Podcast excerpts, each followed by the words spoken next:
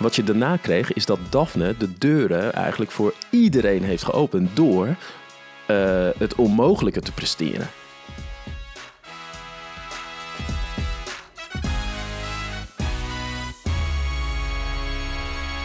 Deze geboren Amsterdammer was een van Nederlands beste atleten op de baan en heeft deelgenomen aan drie Olympische Spelen in Athene, Beijing en Londen. Hij sloot zijn carrière af in 2016 tijdens het EK in Amsterdam en behaalde maar liefst 13 medailles op de Nederlandse kampioenschappen en is daarmee nog altijd Nederlands recordhouder. Naast zijn sportcarrière was hij jarenlang in dienst bij de Nederlandse Defensie en werkt hij nu nog steeds bij de politie. Op dit moment maakt hij ook furoren als analist bij de NOS, waar hij bij de grote toernooien met veel passie commentaar geeft op de prestaties van onze Nederlandse atleten. Ook houdt hij zich bezig met talentontwikkeling van jonge atleten en heeft deze oud-atleet in zijn leven de nodige hordes moeten nemen om te komen waar hij nu is. Ik heb het natuurlijk over Gregory Sedok en daar praat ik in deze aflevering uitgebreid mee verder. Mijn naam is Thijs van Dijk en dit is Helder de Podcast. Gregory, welkom in de studio. Leuk dat je er bent. Ja, dankjewel. Hey, hoe zit het nou eigenlijk? Is het nou in principe eens een atleet, altijd een atleet? Heb je vanochtend nog eh, hard gelopen?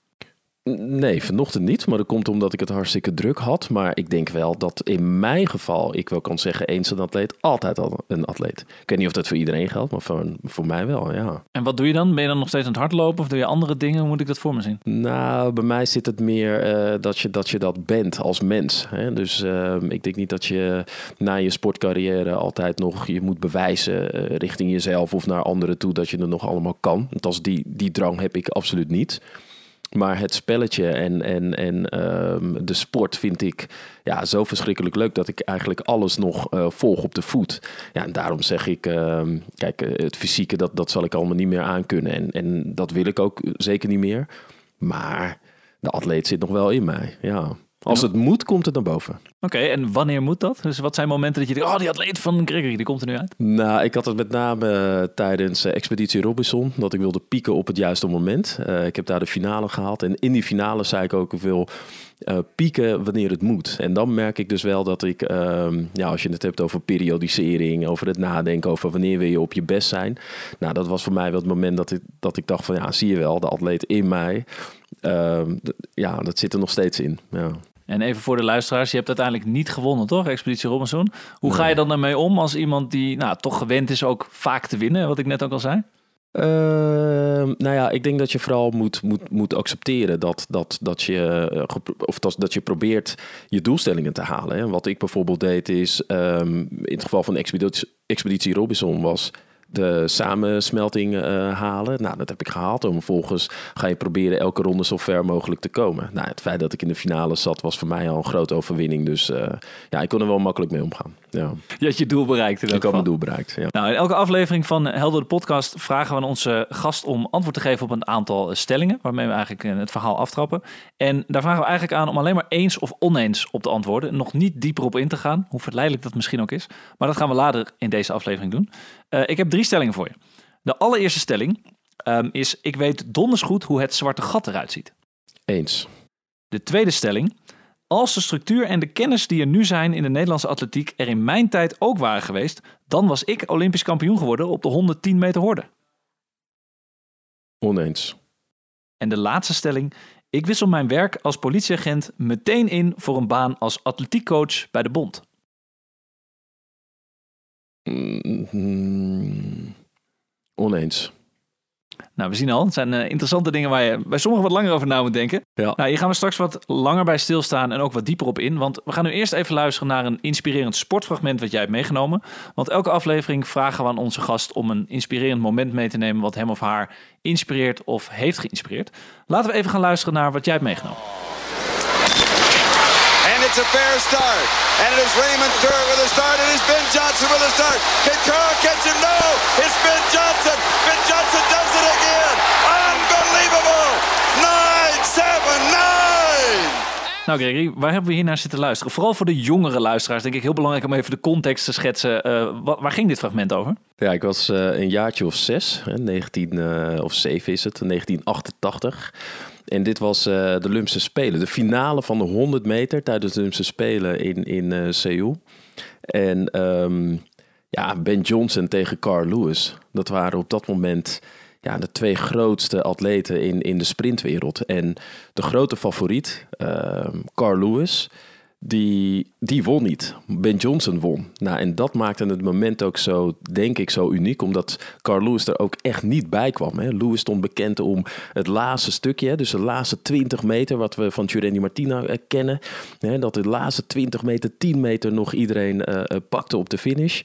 Maar Lewis redde het niet. Sterker nog, Johnson liep weg. Ja, in 9,79 met het vingertje erbij. Ik iedereen aan om die race te bekijken. Maar dit was, ik heb dit moment meegenomen om uh, omdat dit ook wel de start was voor mij. Dat ik wist dat ik um, ook topatleet wilde worden. Hè? Mijn ouders, mijn broers deden dan atletiek. Maar um, dit was voor mij het moment dat ik dacht van... Wauw, dit is zo mooi in een Olympisch stadion. Ja, dit, dit wil ik ook. Ja. En wat zijn dan eigenschappen van Ben Johnson of Carlos? Met, met wie vergelijk je jezelf het meest? Of met wie denk je van, hij heeft me het meest geïnspireerd? Want ja, het zijn wat je zegt, twee echte legendes waar, die iedereen kent. Maar waar werd je nou het meest door geraakt dan? Nou, het meest door geraakt door de techniek van uh, de looptechniek van, van Carl Lewis. Zijn uitstraling uh, als hij ergens... Ja, dat is een hele grote meneer, nog steeds. Hè? Hij is nog steeds een, in de atletiek uh, ja, eigenlijk wel één van de grootste. Iets van twaalf Olympische medailles in totaal behaald op de 100 meter. estafette, verspringen. Dus ja, de techniek en, en, en, en de persoon Carl Lewis... ja, dat, dat, dat is me wel het meest geïnspireerd. Maar de bad boy, Ben Johnson, ja, dat, daar hou ik ook wel van. Hè? ja, zijn ogen stonden geel van de doping. Dat was toen de tijd, ja, ja iedereen eh, gebruikte eh, die tijd. Maar Ben Johnson waarschijnlijk net even ietsjes, ietsjes meer en net iets beter. Ja, prachtig. Dat, dat maakt het zo mooi dat de good guy tegen de bad, bad guy en de bad guy wint. Ja, dat, dat, dat, dat inspireerde mij. Ja. Schitterend. En wat zijn dan eh, ook eigenschappen die je dan in jezelf herkent of herkennen van, van jouw carrière, van, van hun twee? Zijn er dingen die, uh, die je zegt, hé, hey, dat is typisch wat ik over heb genomen toen ik dat jongetje van zes was en bedacht van ik wil dat ook? Ja, toch wel. Ik denk, uh, nou sowieso is Carl Lewis, ondanks dat het uh, qua persoon echt een eikel is, als ik het zo mag zeggen, ook wel een gentleman. Hè? Zo kwam hij over. Um, um, en, en wat ik heb meegenomen is uh, zijn stijl van lopen, het technisch springen, de uitleg. Ja, dat, dat, dat is wel wat ik heb meegenomen in mijn eigen carrière. Ik probeerde ook altijd zo technisch mogelijk goed te lopen of technisch mogelijk zo ver te springen. Ja, dat doe je na. Ik, moet nagaan dat ik ook heel wat banden vooruit en achteruit heb gespoeld natuurlijk van Lewis. Dus dat, dat probeer je dan in trainingen te kopiëren. Maar ja, ik blijf erbij. Dat, dat, dat is zo'n groot atleet. Ik, ik, ik, ja, kijk, Usain Bolt is natuurlijk veel groter. Hè? Maar dat, het is ook een hele andere tijd. Maar voor die tijd was eigenlijk niemand groter dan... Uh, dan Carl Lewis. Maar jij zag die race, en dat was 100 meter. En toch besloot jij dan om te denken... nou, ik ga er nog een extra element aan toevoegen. Ik ga horden lopen. Ja. Waar is dat dan ontstaan? Ja, dat is wel een grappig verhaal. Want um, kijk, het ene verhaal is namelijk zo dat je als jonge atleet doe je de meerkamp. Hè? Dus doe je ja, alle onderdelen. En vaak specialiseer je dan in het onderdeel waar je het beste op bent, hè, in de meerkamp. En in mijn geval uh, was dat verspringen. En het was ook wel in de lijn der verwachting dat ik zou gaan verspringen. Het ging ook goed. Uh, werd Nederlands kampioen. Mijn ouders, of dat mijn broers en mijn, en mijn vader waren, waren verspringer. Alleen ik kreeg ook last van mijn, van mijn enkels. Dus ik kon niet voluit springen. Um, en voor de competitie zochten ze ook nog iemand uh, voor, voor, het hordenloper, voor het hordenlopen toen ik een jaartje of 13, 14 was. Ja, toen ben ik gaan meetrainen met toen de tijd Ineke Bonse, de, de, de coach van Robin Korving, de Nederlandse recordhouder. Nou, en dat ging eigenlijk best goed. En ik kwalificeerde me voor de Europese jeugdkampioenschappen en, en de jeugd Olympische dagen, wereldkampioenschappen. Dus Terwijl ik heel klein ben voor de hordenloper. Ik ben eigenlijk helemaal... Ik heb, ik heb helemaal niet de lengte voor een hordenloper.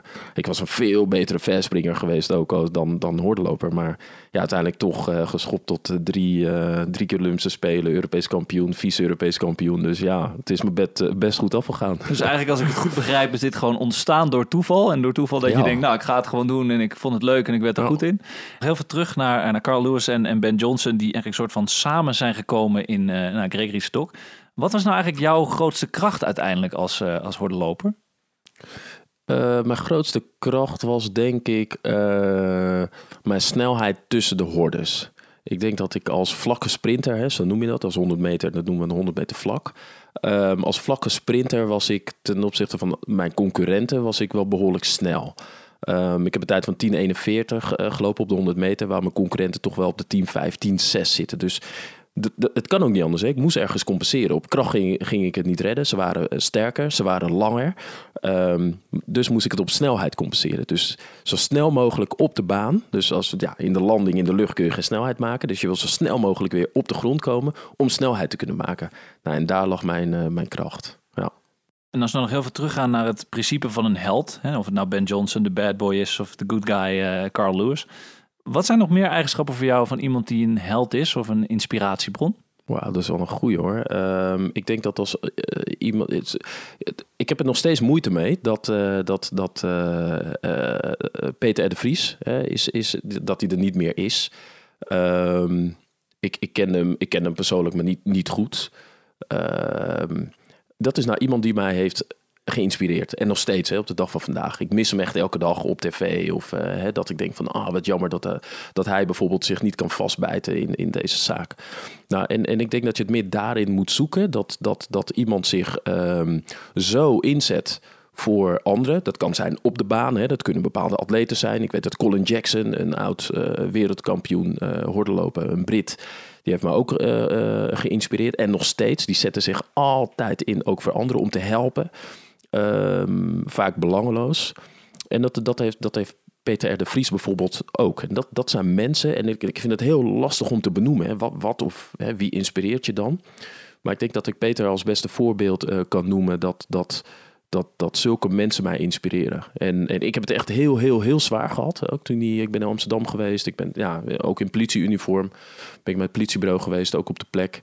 En uh, heel toevallig dacht ik er ook nog gisteren uh, eigenlijk aan. Hè, dat, dat ik het uh, zo jammer vind dat, dat hij er niet is. En ik, heb, ik denk dat als ik dat heb, dat, dat ik mensen zo ga missen en dat het me zoveel doet. Dat zijn de mensen die me het meest inspireren. Ja, ja die echt een indruk bij je achterlaten waarvan je denkt van, het raakt je echt diep van binnen. Ja, ja.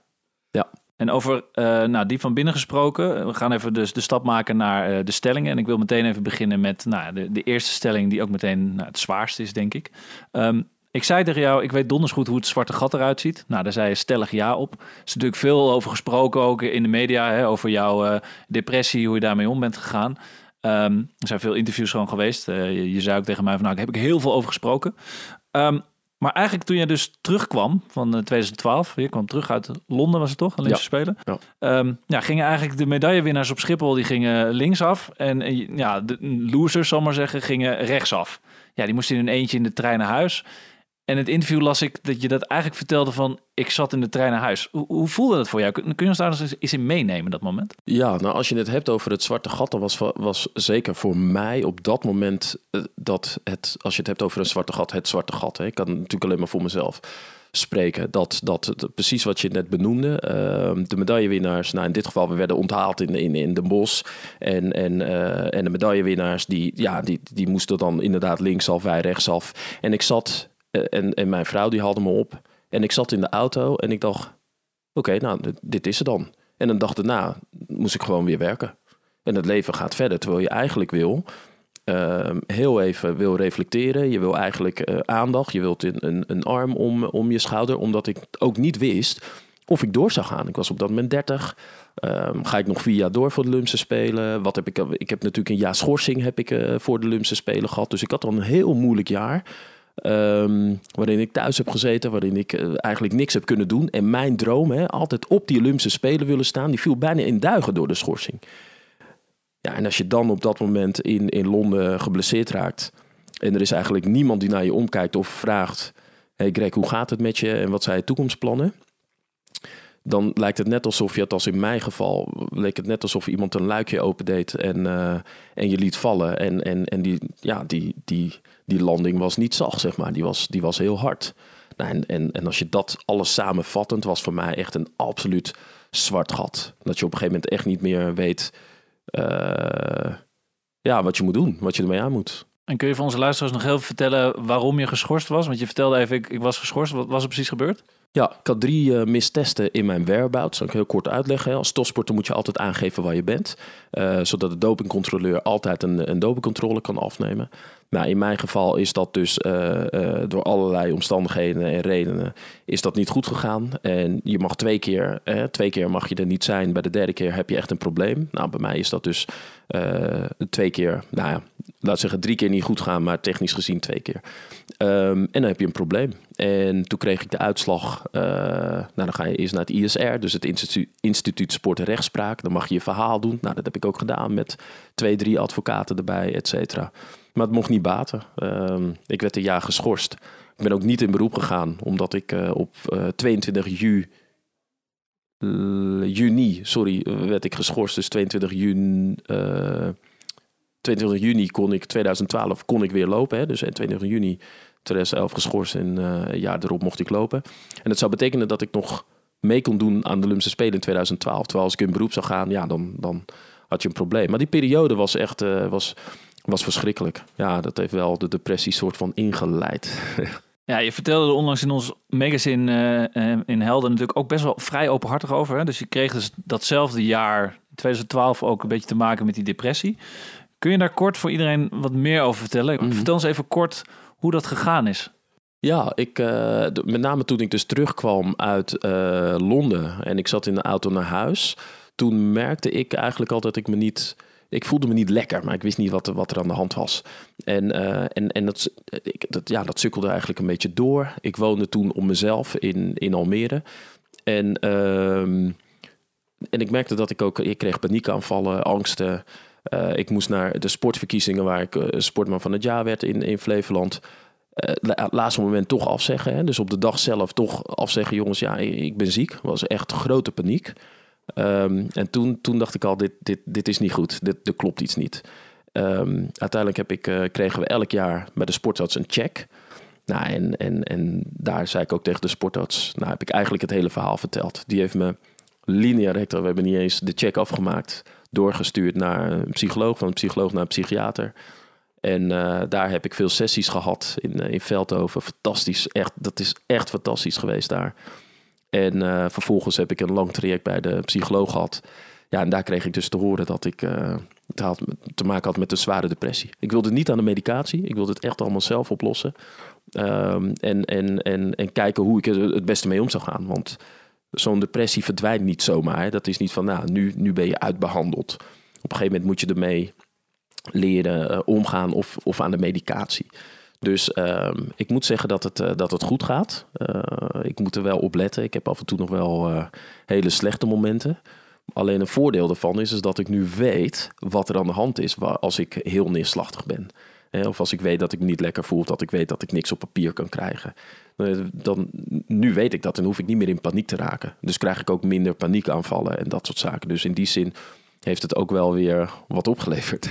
En wat was nou de, de echte impact op jouw leven, op, op jouw gezin? Hoe zwaar was het? Um, ik denk dat het, dat het heel zwaar is geweest voor hen dat ze me niet te pakken kregen. Ik had toen de tijd uh, twee telefoons ook wel bewust. Um, voor als er echt, echt nood aan de man was, dat, dat, dat ze me konden bereiken. Er waren niet veel die, die dat nummer hadden. Uh, Marita, uh, mijn coach, uh, toen de tijd, zij had het nummer. Um, en ik denk dat dat voor heel veel mensen zwaar is geweest, dat ze mij niet te pakken kregen. Ik was thuis, ik had, de, de, de shutters waren dicht, ik deed van niemand open. eigenlijk kwam ik gewoon mijn huis niet uit. En ehm, Kijk, later ben ik gaan samenwonen en, en ja, dan ontkom je er niet aan. Uh, maar ik denk daarvoor is het voor veel mensen wel zwaar geweest. Ja, ik kwam echt mijn huis niet uit en mensen kregen me niet te pakken. En als Marita belde op het telefoonnummer, dan wist ik dat ik ook echt moest opnemen. En dan nam ik ook op. En als je daar op terugkijkt, hè, in hoeverre waren mensen dan op een gegeven moment bang dat je echt jezelf wat aan zou doen? Want je zei net van, nou, ik was niet meer bereikbaar. Ik kan me voorstellen dat het een enorme angst creëert bij heel veel mensen. Uh, ja, alleen bij mij zat de depressie, depressieve, gevoelens zaten niet uh, in die hoek, hè, dat ik mezelf iets aan wilde doen. Uh, bij mij zat hem echt uh, meer in de neerslachtigheid. En dat ik dus niet meer in beweging kwam. Ehm, dat heb ik ook gezegd. Hè. Zo heb ik het ook tegen, tegen anderen gezegd. Zo maak je niet druk. Het is echt niet zo dat ik... Want daar waren mensen wel bang voor. Hè. Maar ehm, ik zal even kort een voorbeeld schetsen. Ehm, ik, ik, in 2013 ging ik... Hebben we het over een paar maanden eigenlijk daarna. Hè. Dus 2013 gingen, Marita en ik... dus mijn coach en ik op trainingskamp naar Portugal. We kwamen aan op dag 1. Nou, toen hebben we een beetje losgelopen. En dag 2 gingen we naar de atletiekbaan toe. En daar kreeg ik weer een paniekaanvallen. Ik, ik kon gewoon niet trainen. En we hadden een week zouden we daar blijven. Uiteindelijk is het echt een prachtige week uh, geweest, waarin ik alle, elke dag heb gehaald op de atletiekbaan. Niet getraind. We hebben alleen maar vis gegeten en, en ik kon gewoon niet in actie komen. Ik kon niet trainen. Um, ja, de neerslachtigheid was zo groot en je kan het bijna niet uitleggen aan mensen die dat, die dat niet hebben. De, ehm, dat, je kan niet vertellen wat je dan precies voelt. Eh, het, is, het, is, het is zo vreselijk uh, voor jezelf, maar ook voor je omgeving, dat je, dat je paniek aan, paniekaanvallen krijgt en denkt van ik moet nu, ik kan nu gewoon niks doen. Maar toch ben je wel doorgegaan daarna, toch? Je bent nog vier jaar doorgegaan, in 2016. Hoe heb je toch weer die, ja, die weg omhoog gevonden dan? Dit is natuurlijk een heel mooi emotionele, emotioneel moment. Een band met je coach die waarschijnlijk sterker wordt. Ja. Hoe heb je dat gedaan? Um, is, is, was er nog een tussenstap. Ik ben in 2013, om maar gelijk in het jaar te blijven, uh, tijdens de wereldkampioenschappen in, uh, in Moskou, uh, was Joop Albeda was technisch directeur toen bij ons, bij de Atletiek Unie. En die wilde mij niet meenemen naar, naar het WK. Die zegt, Greg, je bent te ziek. Hè, want samen met de arts een gesprek met Peter, of met ehm, Joop Albeda gesprek. En zei, Greg, je gaat niet mee naar het, WK, naar het WK, want je bent te ziek. Nou, toch meegegaan. En dan ben ik oud gegaan. Echt letterlijk oud. Vier, vijf dagen in het ziekenhuis in Moskou gelegen. Nou, en toen kwam bij mij echt het besef, ik besef, ik ga dingen anders doen. Nou, en dat is wel de start geweest dat ik er uiteindelijk weer bovenop ben gekomen. Ehm, ik ben iemand die, ik ben echt een pleaser. Hè? Ondanks dat ik het veel te druk heb, zeg ik soms toch nog ja om anderen te helpen. Um, veelal belangloos. En um, daar, ja, toen heb ik echt geleerd om wat harder te zijn, wat zakelijker te zijn. En sinds ik dat ben gaan doen, merk ik dat ik, um, dat ik me beter ben gaan voelen. En, en op die manier heb ik weer de motivatie gevonden om weer hard te trainen, om naar de baan te gaan en het doen wat ik het liefst eigenlijk doe. Nou, dat is ook een mooie overgang naar de, de tweede stelling. Even ook terug naar jouw uh, carrière. We zeiden eigenlijk van, ik zei in het begin, zei ik, nou, als de structuur en de kennis die er nu in de Nederlandse atletiek is, hè, als die er ook in jouw tijd was geweest, ja, dan was ik Olympisch kampioen geworden op de 110 meter horde. Wat zei erop? Oneens. Ja. Waarom zeg je daar oneens op? Omdat je moet weten, um, het, in, het, ik, ik, een klein aanloopje richting me oneens. In, um, ik zou natuurlijk eens willen zeggen. Maar ik ken mijn beperkingen. Hè? Dus ik ben maar 1,80 meter. Uh, dus ik ben best klein voor een hordenloper. Dit is echt een enorm uh, een nadeel. Er is maar één iemand, dat is Ellen Johnson toen de tijd, die met die lengte in staat was om, om echt heel, heel hard te lopen. En ehm, ik moet even kijken, ja, is Olympisch kampioen Atlanta. Maar um, toen ik in Amerika kwam, jaren geleden, om te trainen met de beste, het eerste wat ze zeiden, of dat was wat David Oliver, een hordenloper, uh, tegen me zei, is: Greg, when you go on the 13, hè, dus wanneer ga je onder de 13 seconden? Dat is bij ons de magische grens op de, bij het hordenlopen. Dus ik begon keihard te lachen. Maar hij keek me aan, echt serieus. Hij zei van, ja, wat zit je nou te lachen? Dus van, ja, onder de 13, weet je, dat, dat kan ik nooit halen. En toen zei hij, ja, maar wat doe je hier dan? En toen dacht ik van, oké, dat is dus een hele andere mindset van die gasten. Die denken gewoon heel anders. Want die concurrentie is natuurlijk al veel zwaarder in het leven überhaupt hè, in Amerika. Dus je moet echt gaan voor je kansen. Hier is het toch wel vaak van, nou, weet je, als ik een beetje dit, dan, dan, redden we het wel. Maar daar moet je er echt voor gaan, omdat het allemaal wat, wat harder is. Maar dat heeft me ook wel doen beseffen dat, we dus, dat ik veel meer kan uh, als je denkt, ook in, in, in, ja, eigenlijk is het onmogelijkheden. Uh, Schippers bijvoorbeeld heeft echt iets gepresteerd waarvan we allemaal ja, nooit hadden gedacht dat dat, dat het mogelijk was. Maar als je het hebt over Olympisch kampioen worden um, en over het, het, het, onbegrensd denken, dan denk ik dat dat net even een, een stapje te is geweest. Ik ben trots dat ik Europees kampioen ben. Ik ben trots dat ik hard heb gelopen. Maar om Olympisch kampioen te worden, ja, dat, dat, dat komt toch nog wel ietsjes, ietsjes meer bij kijken. Ja. Ja, de tijd van Colin Jackson en Ellen Johnson was dan net. Uh, nou ja, dat heeft, het is ook nu natuurlijk, als je nu kijkt naar, naar deze tijden, om het even hier naartoe te trekken. De afgelopen jaren zijn wel enorm succesvol hè, met, met Nederlandse atleten in de atletiek. Ik bedoel, Ja. er was een tijd, toen ik ook jong was, toen ik zes was, keek ik daarnaar, dacht ik, nou, ik was al blij als we een keer een bronzen plak Ja. ergens mee haalden. Ja. Hè, dat was misschien in de tijd van 1992 eh Ellen van Lange. Maar we zijn natuurlijk nu met Daphne Schippers, Sivan Hassan, Femke Bol, Nadine Visser, Ja. Anouk Vetter, Emma Oosterwegel. Nou, ik kan Ja. wel even doorgaan. Ja. Hè, de 4x400 Abdi. mannen. Ja. Eh Abdi Nageye, nou, et cetera. Eh, hoe kijk jij nou eigenlijk naar die successen als je dat ziet? Je had eh, ooit zei, eh, hoe heet die, Sjors, Sjors Rutger. Dat is de handbal, oud-technisch directeur handbalcoach, maar hij was ook handbalcoach. Heb ik samen nog meegewerkt bij Defensie en die werd toen vijfde op het wereldkampioenschap. En die zei, Greg, we gaan wereldkampioen worden. Maar dat duurt nog even. We zijn nu aan het investeren. En die meiden trainen op Papendal, en dat train ik dus ook. En, en, en, en ehm, dat is eigenlijk een beetje parallel met, met hoe de atletiek nu, nu loopt. Hè. Ehm, eh, toen de tijd dat je Rens Blom in 2005 werd wereldkampioen. En Rutger- hoogspringen, hoogspringen, Ja. inderdaad. En, en Rutger Smit pakte de medaille zilver op het WK in Helsinki. Hadden we twee medailles. Nou, dat was echt nou, dat was super. Twee medailles op een WK. Alleen in de tussentijd werd natuurlijk wel iets, iets, iets, iets opgericht op Papendal. Buitenland, buitenlandse coaches werden aangesteld, een biomechanicus vanuit het buitenland, fulltime coaches, fysio, et. Nou, dat, dat verhaal is wel bekend. Maar dat heeft natuurlijk wel tijd nodig. Hè? Dat, dat die jonge uh, gassies en die jonge meiden, dat die op een gegeven moment op een hoog niveau gaan lopen als zij wat ouder zijn. Nou, kijk, uiteindelijk Daphne Schippers, een wereldtalent. Alleen die zou niet zomaar uh, Olympisch kampioen kunnen worden als zij bij, uh, als ze niet fulltime had kunnen trainen en fulltime begeleiding had gehad. Dus die begeleiding is daarin cruciaal geweest. Wat je daarna kreeg, is dat Daphne de deuren eigenlijk voor iedereen heeft geopend door uh, het onmogelijke te presteren. Dus um, um, ja, als je het mag zeggen, als blank meisje in een toch wel in een zwarte sport, in die top 8, wat je altijd zag, gewoon te gaan winnen dubbel wereldkampioen, tweede Olympische Spelen. Uh, nou, ik kan eigenlijk wel doorgaan. Dus het geloof nu bij anderen is zoiets van... ja, maar wacht eens even. Als zij dat kan, dan, dan moeten wij dat ook kunnen. Nadine Visser, Femke Bol. Nou, eigenlijk kan ik de hele rit daar nog opnoemen. En, maar dat heeft wel te, mee te maken dat het niet meer een ver weg uh, van je bedshow is. Nee, het is nu heel dichtbij. Het gebeurt allemaal op Papendal. En nu zie je de buitenlanders kijken van... hey, what's happening down there in, in, in the Netherlands? Weet je, en eigenlijk is het up there vanuit uh, Amerika. Dus what's happening up there in, in uh, het Papendal? Weet je, want en normaal denken wij van het gebeurt allemaal daar. Nee, het gebeurt nu allemaal hier. Dus het is bijna de omgekeerde wereld dat anderen nu gaan kijken naar de Nederlanders van hé, hey, ze doen iets goed.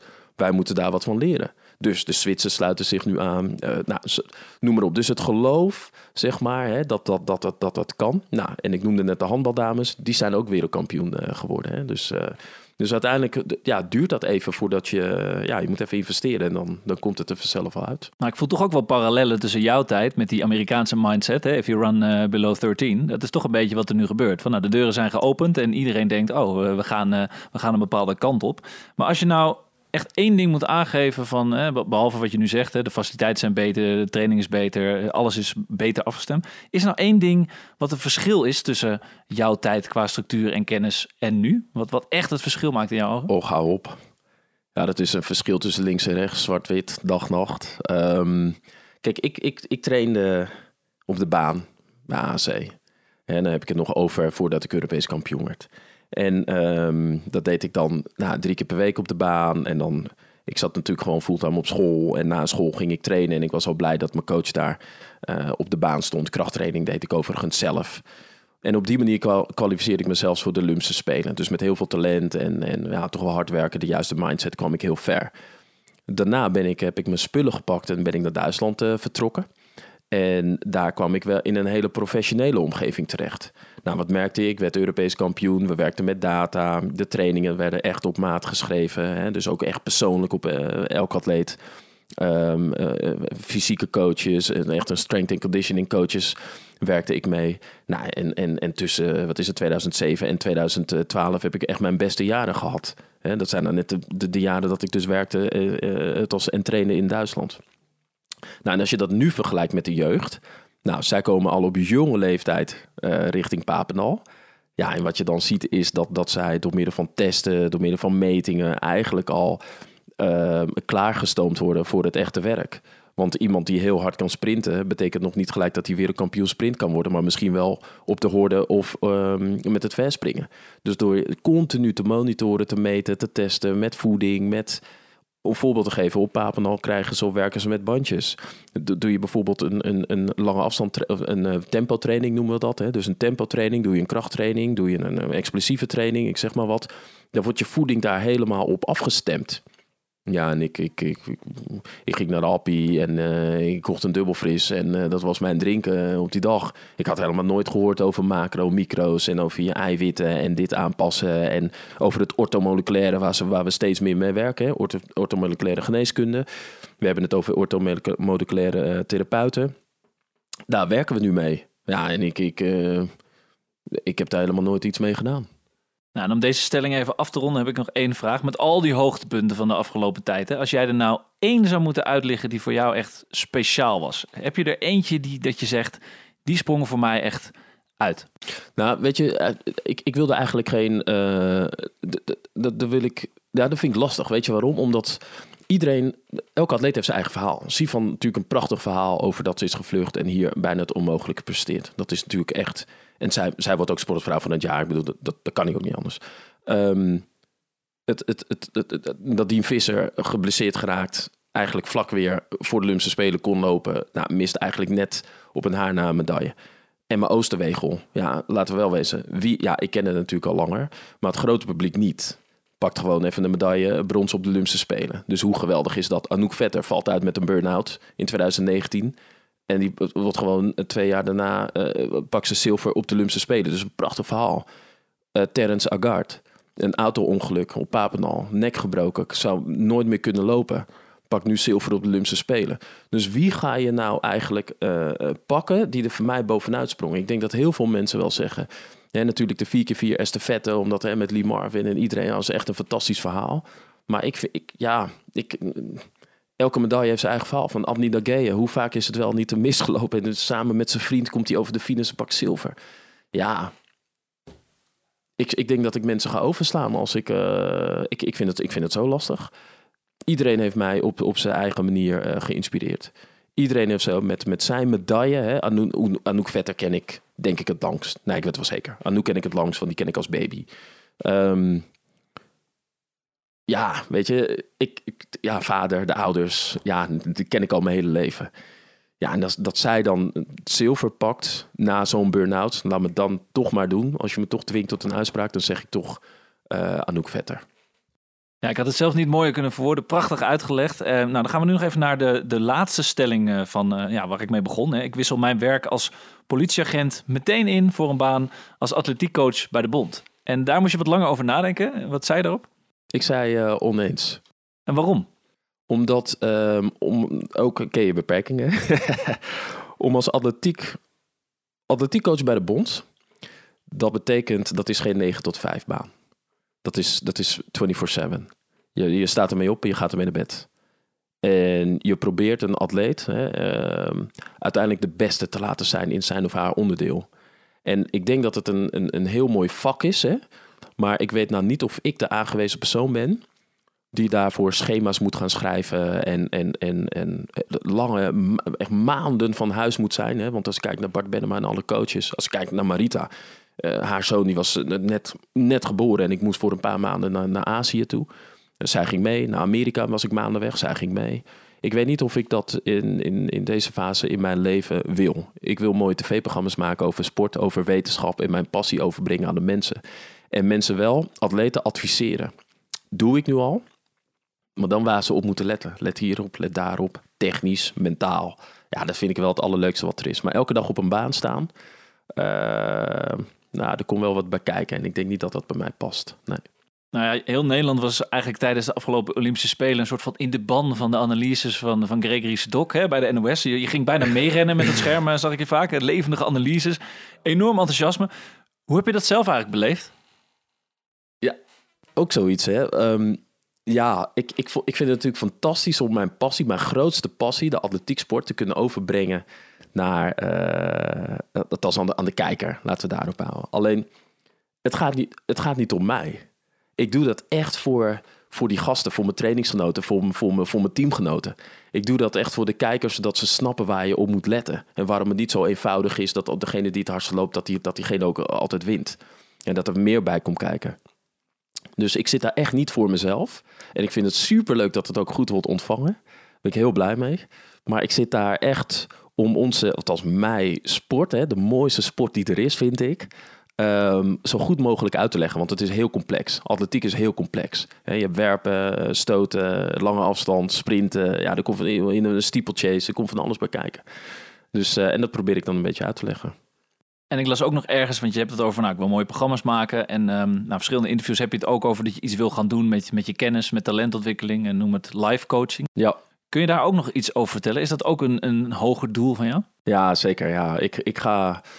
Ten eerste ga ik, en, en, en die gesprekken lopen al, dat is wel heel fijn. Ik ga sowieso mensen eh, begeleiden. eh, begeleiden eigenlijk, en het bestaat al hoor, maar weekenden eh, organiseren waarbij mensen echt kunnen werken aan hun vitaliteit. Ehm, denk aan eh, van die ijsbaden, denk aan meditatie, denk aan yoga, stiltewandelingen, et cetera. Dus dat, dat, dat ga ik echt opzetten, opzetten. En ik hoop een pilot te mogen draaien. Dan moet ik nog even met de politiek in gesprek. Ehm, een pilot te mogen draaien met mensen van de toeslag, toeslagenaffaire. Hè, zodat zij echt een weekend, de slachtoffers moet ik zeggen van de toeslagenaffaire. Want dat zij echt een, een, een, een moment hebben om, ja, om even stil te staan van... hé, hey, ja, waar staan we nu eigenlijk hè, na alle ellende van de jaren? En een, een soort cadeau te geven van... eh, werk eens een weekend helemaal aan jezelf. Komt het rust, zodat je weer de kracht en de energie krijgt om door te gaan. Dat is één. En twee, ehm, ja, die kan ik nog niet helemaal openbaar, maar ik ga wel iets met jeugd doen. Ik ga wat doen met met Kleine met teaser mag hardlopen. wel, hè? Dat kan wel. Ja, daarom. Ja, ik ga in ieder geval me richten op de jeugd, sporters.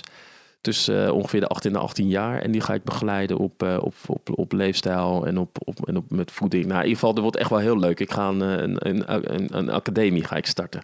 Maar die, die En gesprekken... op die welke termijn nog, kunnen we dat verwachten ongeveer? ik hoop, ehm, nou, ik hoop in maart, ja, april wel echt te kunnen lanceren en maart wel een beetje te kunnen starten. Ja, ja. Oké, dan even van life coach naar real life. Je bent natuurlijk nog, nog agent. Hoe kijk je eigenlijk naar het Nederland van nu?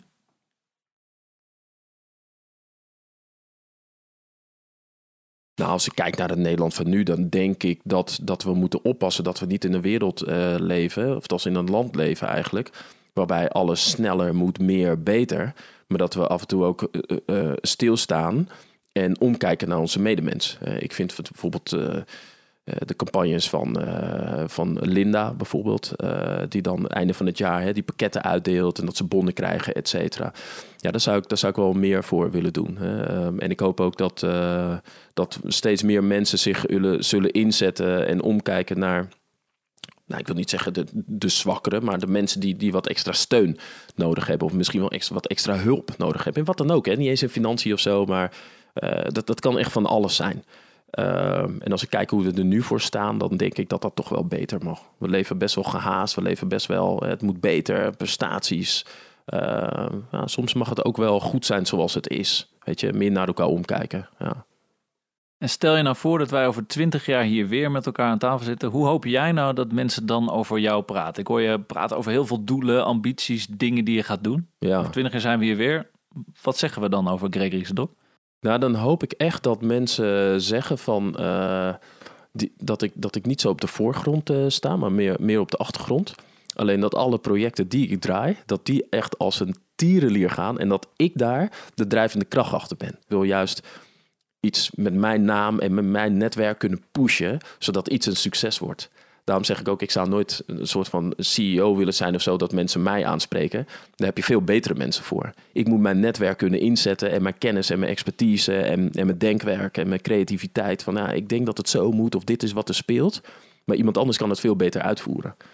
Gregory, ik heb hier een tegeltje voor je liggen. En daar mag je eigenlijk jouw lijfspreuk, jouw levensmotto, jouw boodschap aan de volgende generatie opschrijven. En die gaan we dan ook vereeuwigen aan de muur bij Helden. Wat zou je de volgende generaties mee willen geven? Dan zou ik willen zeggen, ehm, weet dat het onmogelijke mogelijk is, mogelijk is. Dus weet dat het onmogelijke mogelijk is. Mooi, nou schrijf hem op. Ehm, Gregory Sedok, heel erg bedankt voor je komst naar de studio. Leuk dat je er was. Dit was Helden de podcast en deze aflevering is terug te vinden op onze website helden.media. Volg ook onze social media kanalen en blijf op de hoogte van het laatste nieuws. Laat gerust een review of een reactie achter en laat ons vooral weten wat je van deze aflevering vond.